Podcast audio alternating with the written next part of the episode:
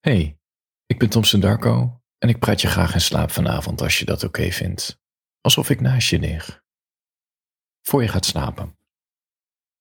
Er zit echt een geniale functie op Instagram. Volgens mij is al een tijdje, maar ik als uh, beroemd uh, influencer heb er echt heel veel aan. Uh, dat is namelijk dat je in kan stellen dat mensen alleen mogen reageren als ze mij volgen. Echt joh, dat scheelt zoveel haatberichten. Nou, ik moet zeggen, ik, het is niet dat ik per se heel veel haatberichten krijg, maar af en toe werken mijn teksten toch als een soort rode lap op mensen en die gaan dan vervelend doen. Nou ja, dat heb ik dus helemaal voorkomen met die functie. En volgens mij ook, maar dan weet ik niet zeker. Dat is als je me dan gaat volgen, dat je eerst nog een paar minuten moet wachten voordat je kan reageren. Maar, of, of er zit een soort lag, hoe dat, soort vertraging in. Nou ja, zoals je weet, ik, ik ben een gevoelige jongen. En elke vorm van afwijzing, ja, dat komt toch altijd best wel hard bij me binnen. Het, het, is alsof ik mijn hele jeugd herbeleef. En ik internaliseer ook nog eens alles. Dus ja, dat, ja, het duurt gewoon eventjes voordat ik als gevoelige man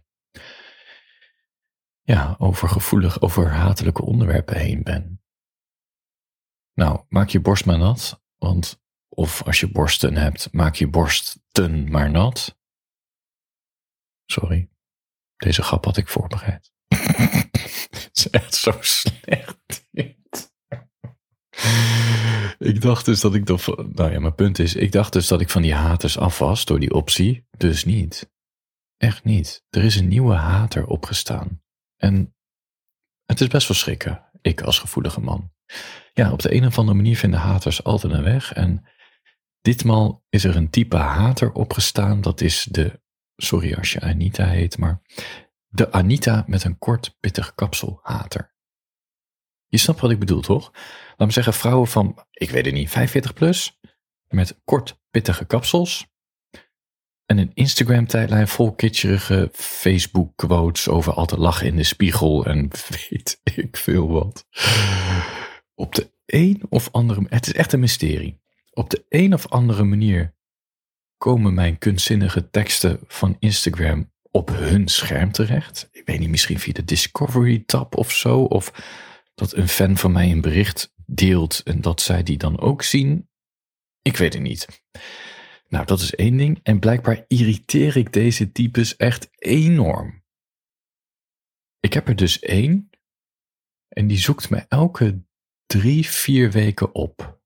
En dat bedoel ik op Instagram. Dan gaat ze reageren op mijn stories. En dan niet per se met een inhoudelijk tegenargument. Weet je, dat iemand zegt van ik ben het gewoon niet met je eens.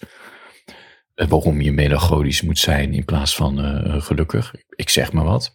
Maar echt vol woede en gezuchtreacties. Zo van, wat is dit toch voor onzin en waarom besta je eigenlijk? Weet je, dat niveau. Elke drie weken weer. Maar de grap is dus, ze volgt me helemaal niet.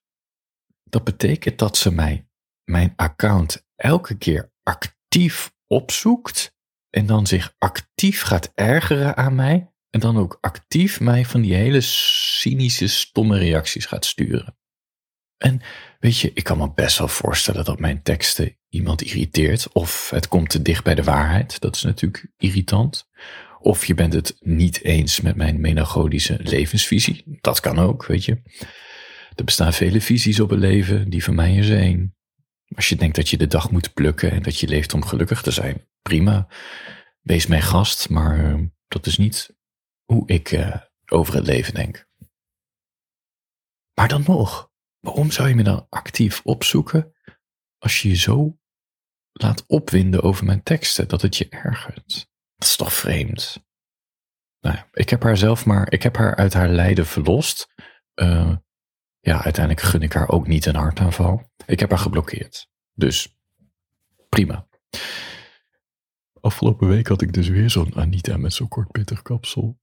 Eerst ging ze mij volgen. Dat vind ik al heel bijzonder. Ze ging me volgen om vervolgens onder mijn opgenomen reel, ik, ik, eh, nou ja, ik zit af en toe een beetje te experimenteren met, met die video's waar ik eh, heel somber en depressief in de camera praat.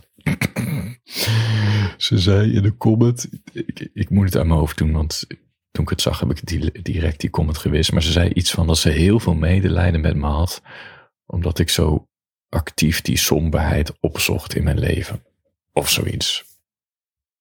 Nou ja, daar ging mijn hele reel niet over. Mijn video ging over dat als ik probeer te positief te denken over de toekomst, laat me zeggen manifesteren, dat ik juist het idee heb dat het dan tegen me werkt. Dat is een of andere manier doet mijn hoofd dat. Daar kan ik toch ook niks aan doen. Dat mijn gedachten altijd heel destructief zijn, soort van.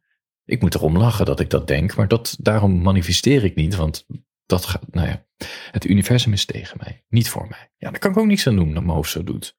Het is niet dat ik erin geloof, maar dat denk ik. Nou ja, anyhow, ga ik mezelf toch weer verdedigen. Moet ik helemaal niet doen. Ik zag die comment en ik dacht, ja, als ik erop reageer, wordt het er niet beter op. Weet je, discussiëren op internet, echt. Doe het gewoon niet. Doe het niet. Doe het niet om zo'n bijt op je tong. Doe het niet. Ik kan ook die comment niet reageren, die comment laten staan. Dan weet ik sowieso dat mensen erop gaan reageren. En dan wordt het vaak modder gooien. Want, nou ja, dat is ook alweer het leuke aan al mijn fans. Die lijken ook alweer een beetje op mij. Hè? Zijn een beetje gevoelig. Beetje pessimistisch ingesteld. Beetje van het drama. Maar we hebben ook een heel goed gevoel voor humor. Al zeg ik het zelf. Is toch zo? En we snappen dat het leven niet altijd roze geur en maneschijn is. En tegelijkertijd hebben we best wel veel lol in het leven. Toch? Een soort van? Lol? Beetje lachen. Ik lach heel veel om een dag. Om alle absurditeit. oh, ja, ik weet niet. Ik zie altijd zulke gekke dingen. Maar daar hebben we het vaker over gehad. Deze parkeer ik even. En jou? Ik dacht, ik haal gewoon naar comment weg. Ik heb geen zin in dat modder gegooid. Ik heb geen zin om er zelf op te reageren. Comment verwijderd en ik heb haar meteen geblokkeerd. Vervolgens zie ik iets later in mijn spam-inbox. Blijkbaar had ze me al toch eerder een berichtje gestuurd. Anders kan ze me geen berichtje sturen als ik haar geblokkeerd had. Nou ja, blijkbaar. het was een plaatje. Zo'n Facebook plaatje. Er stond in het Engels op dat, dat jongens altijd klagen en dat echte mannen gewoon het werk doen. Ja. Ja, die Karin was toch echt flink verslag door mij met haar kort pittig kapsel. Dat ze niet alleen moet zeggen dat ze heel veel medelijden met me heeft, maar dat ze ook nog even moet vertellen dat ik geen echte man ben, omdat ik blijkbaar zit te klagen over mijn somberheid. Ja. Oh, het is echt grappig. De kort, kip, kort pittige kapselhaders. Ja. Het is een beetje speculeren hoor. Maar ik denk dat zij zelf, deze type mensen, ook best wel wat drama hebben gehad in hun leven. Misschien een scheiding of, of een overleden man of misschien wat moeilijkheden met, met familie. En dat hun overleven door heel erg positief proberen in het leven te staan. En dat snap ik ook. Nou ja, en dan ben, dan ben ik natuurlijk een bedreiging als in mijn woorden. Dat ik juist zeg van ja, je hoeft niet positief te zijn. Het is ook oké om je even kut te voelen of gewoon. Ja, even lekker, lekker te zuchten. Of gewoon even te balen hoe het is. En, en dat het leven ook best wel complex is en genuanceerd en grijs in plaats van zwart-wit. Dan weet je dat dat ook oké is. Dat we ons niet zo schuldig hoeven te voelen. En dat je zelf ook helemaal niet optimisme hoeft op te dringen terwijl je het niet voelt. Er is helemaal niks mis met positivisme. Uh, en als het je helpt, ga je gang. Ik kan alleen zeggen dat het mij niet helpt. Mezelf opdringen, dwingen om positief te denken. Dat. Ja, maar het is moeilijk uit te leggen. Want het, weet je, het is ook niet zwart, niet zwart-wit hoe ik over positiviteit denk. Niks mis met wat positiviteit. Toxisch optimisme, daar heb ik heel veel bezwaren tegen. En ik heb ook heel veel bezwaren in het idee dat altijd alles maar goed komt. Laten we zeggen, die zinnen die we tegen onszelf zeggen, want dat is gewoon niet altijd zo. Dingen komen niet altijd goed. Sterker nog, eigenlijk doet het er ook helemaal niet toe of iets goed of slecht komt. Het is meer erkenning van iets wat er is. Zoals je praat tegen een goede vriend die even in een dip zit. Dip, in een dip zit. Dat je zegt, hé, hey, vervelend man dat je je zo voelt. Weet je, en dat is het enige wat je hoeft te zeggen. Geen advies, geen optimisme. Hoeft iemand ook niet in de put te praten, maar gewoon zeggen: hé, hey, vervelend. Nou, oké. Dat was mijn mini-monoloog. Oké, nou als we toch nog een beetje in de klaaghoek zitten, nostalgie. Kent u dat woord? Ja, dit is een kleine rode, dit is, dit is een rode deken voor mij. Ik heb dus echt een hekel aan nostalgie. En dat is best gek, want melancholie en nostalgie lijken op elkaar, maar het is niet hetzelfde. Totaal niet. Ehm, voordat we over nostalgie gaan hebben, uh, vraag jezelf even af, als je nog wakker bent, of je mij een leuke persoon vindt. En zo ja, als je mij een leuk persoon vindt, druk even in de podcast-app op de volgknop, als je dat nog niet gedaan hebt. dit klinkt misschien gek, maar ik zie in die statistieken dat heel veel mensen naar me luisteren, terwijl ze me niet eens volgen. Volg even. Als je me al lang volgt en je vindt me nog steeds een leuk persoon, geef me vijf sterren in de podcast-app. Wat geeft het? Geef me vijf sterren. Oh ja, en als je in Spotify zit, je kan bij deze aflevering, eigenlijk bij elke aflevering, uh, vertellen eh, wat je graag zou willen horen voordat je in slaap valt. Als je suggesties hebt, uh, doe een suggestie. Dan kan ik dat lezen, kan ik het mee in overweging nemen. Dat. Dus volg me, geef me vijf sterren, doe een suggestie waar je het de volgende keer over wil hebben met mij. Oké, voor je gaat slapen. Nostalgie. Volgens mij in december 2023 kwam een film uit op Netflix die heette Leave the World Behind. Heb je die gezien? Met onder andere Julia Roberts en uh, uh, nog een heel breed scala aan topacteurs.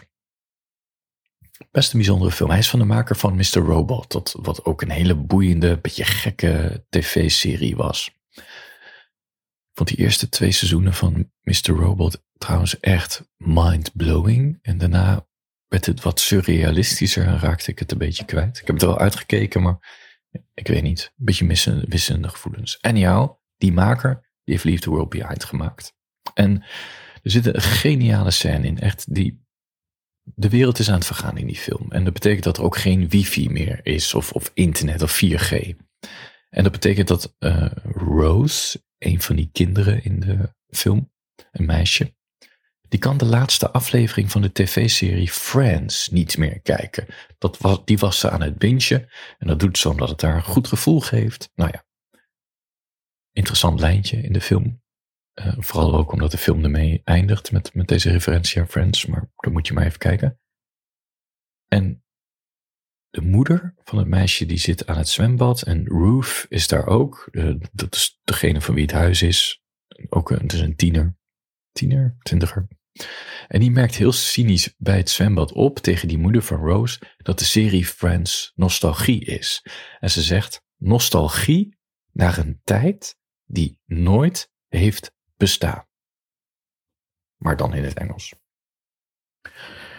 Nostalgie naar een tijd die nooit heeft bestaan. Poh, wat een zin hè? Ja.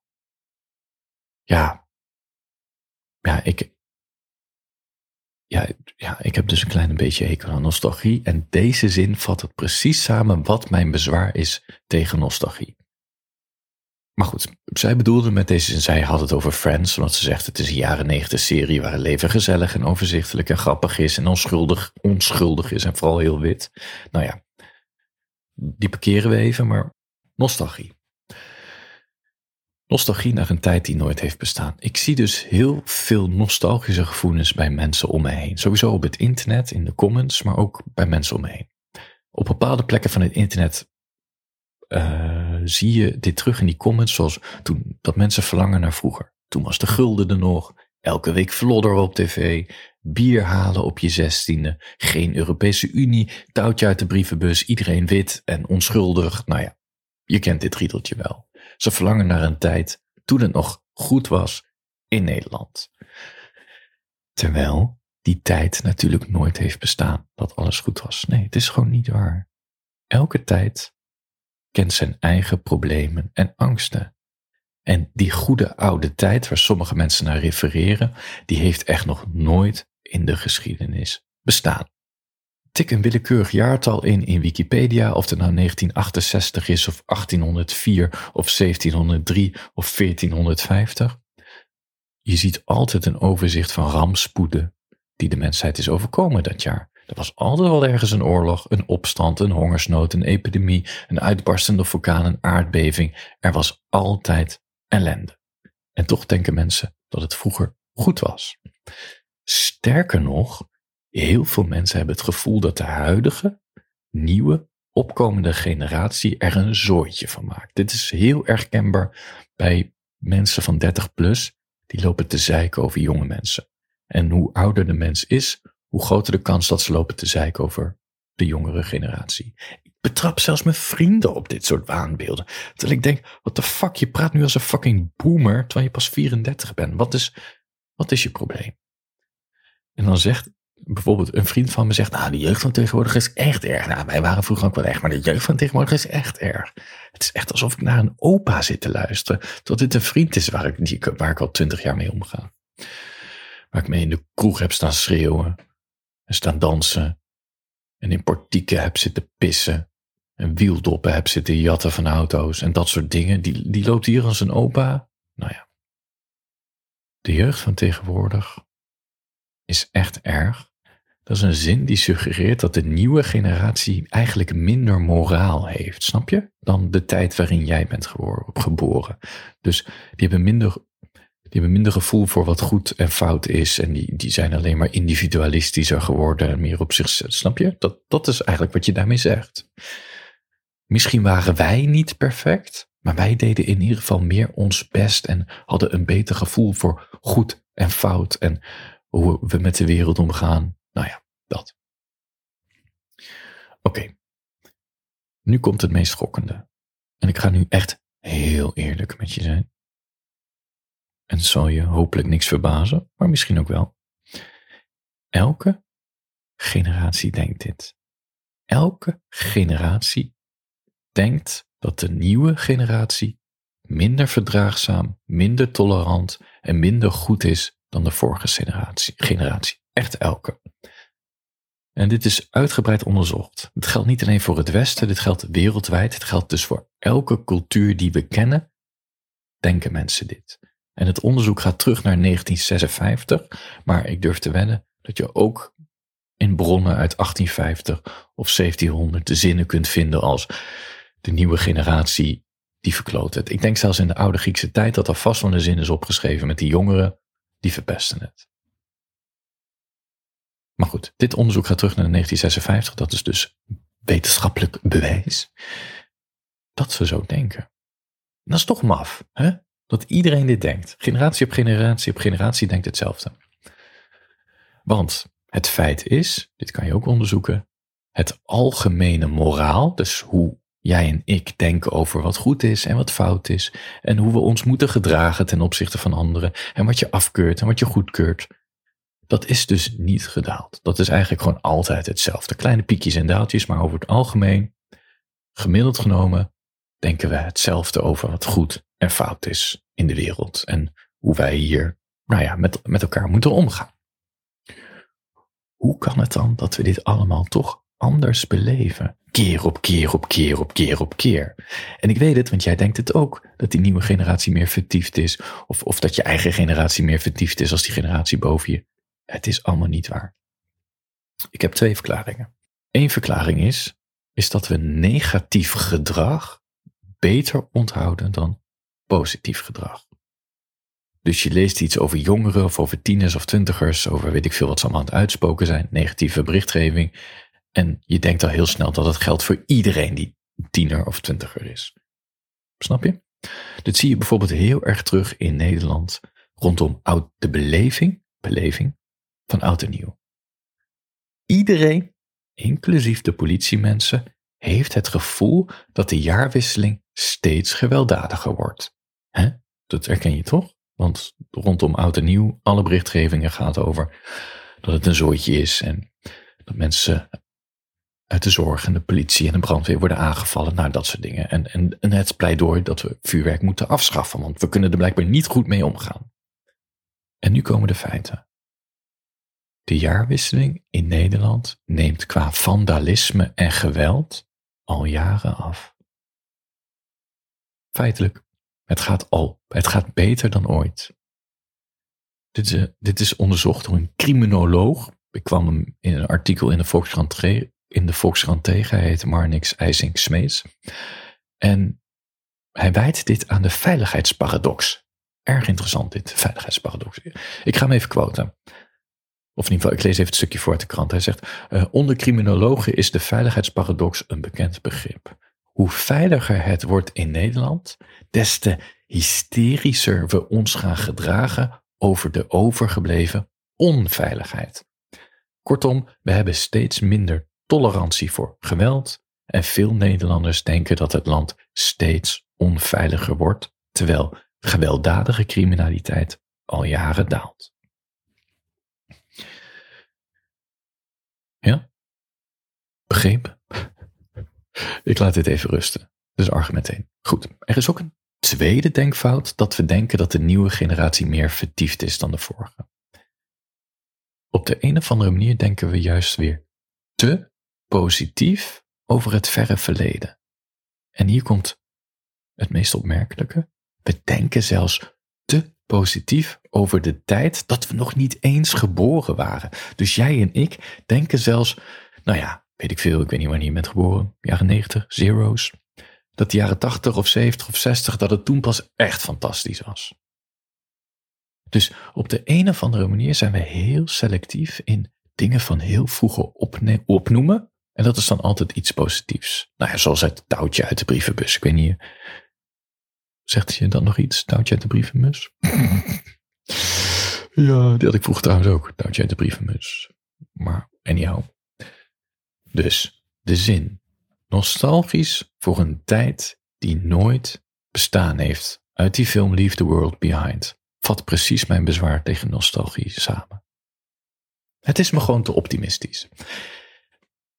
Begrijp me niet verkeerd, hè? Het is Nostalgie, een avondje nostalgie met je vrienden of je familie. Praten over vroeger, over de films of het speelgoed dat je had. Of de avonturen die je hebt meegemaakt. Dat weet je, het dient allemaal een doel. En dat is ook leuk. En het is ook fijn, denk ik.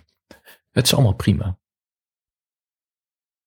Maar vaak neigt nostalgie ook naar het ophemelen van het verleden. En ja, daar ben ik het gewoon niet mee eens, omdat ik het niet geloof dat het zo is. En ik denk ook, ja, wat ben je nou aan het doen? waarom. Het, het, is ook bijna dat we ons ontslaan van de, de huidige tijd. Dat we het mooie in het huidige leven niet willen zien. En het klinkt natuurlijk best gek voor een melancholicus, maar ja, het enige wat we hebben is nu. En uh, ja, ik heb weliswaar sombere gevoelens, maar ik zie er ook hele mooie dingen die, die je leven heel boeiend maken en interessant maken. En waarom zou het vroeger beter zijn geweest? Dat, we kunnen ook proberen de wereld een mooiere plek te maken. Maar ook dingen als melancholie mogen bestaan en somberheid en heftige kunst. Dat je iets laat voelen. Of heftige films of mooie liedjes. En meer verdraagzaamheid naar elkaar, meer luisteren en elkaar beter proberen te begrijpen. En de complexiteit van het leven beter te doorgronden. En dat we gewoon wat meer begrip hebben voor elkaar, wat iedereen meemaakt. En wat het verleden met ons gedaan heeft. En wat we kunnen doen om het ja, om het leven wat gemakkelijker te maken voor elkaar. He? Wat zachter, waar gevoeligheid ook mag zijn. Ja, gewoon. Het is oké om te denken aan vroeger, maar laat die roze bril even achterwege en laat ons ook concentreren op, op, vandaag de dag en wat we zelf kunnen betekenen. En dan zijn we nu aan het einde gekomen. Voor je gaat slapen wil ik graag nog even weltrusten wensen aan mijn nieuwe petje afsteuners. LV Winsen, uh, weltrusten. Wil, weltrusten. En Tanja, weltrusten. En ook voor Soraya en haar eenmalige donatie. Dankjewel en weltrusten. Ik wens geen weltrusten aan de Anita's met kortpittig kapsel die me haatberichten sturen. Ik hoop dat je de hele nacht wakker ligt en de hele nacht aan Thompson Darko denkt. Nou ja, dat. Oké. Als je ook wel rustig wensen worden, je kan me gewoon maandelijk steunen via Petje Af. Of doe een eenmalige donatie. Je helpt mij, dan help ik jou.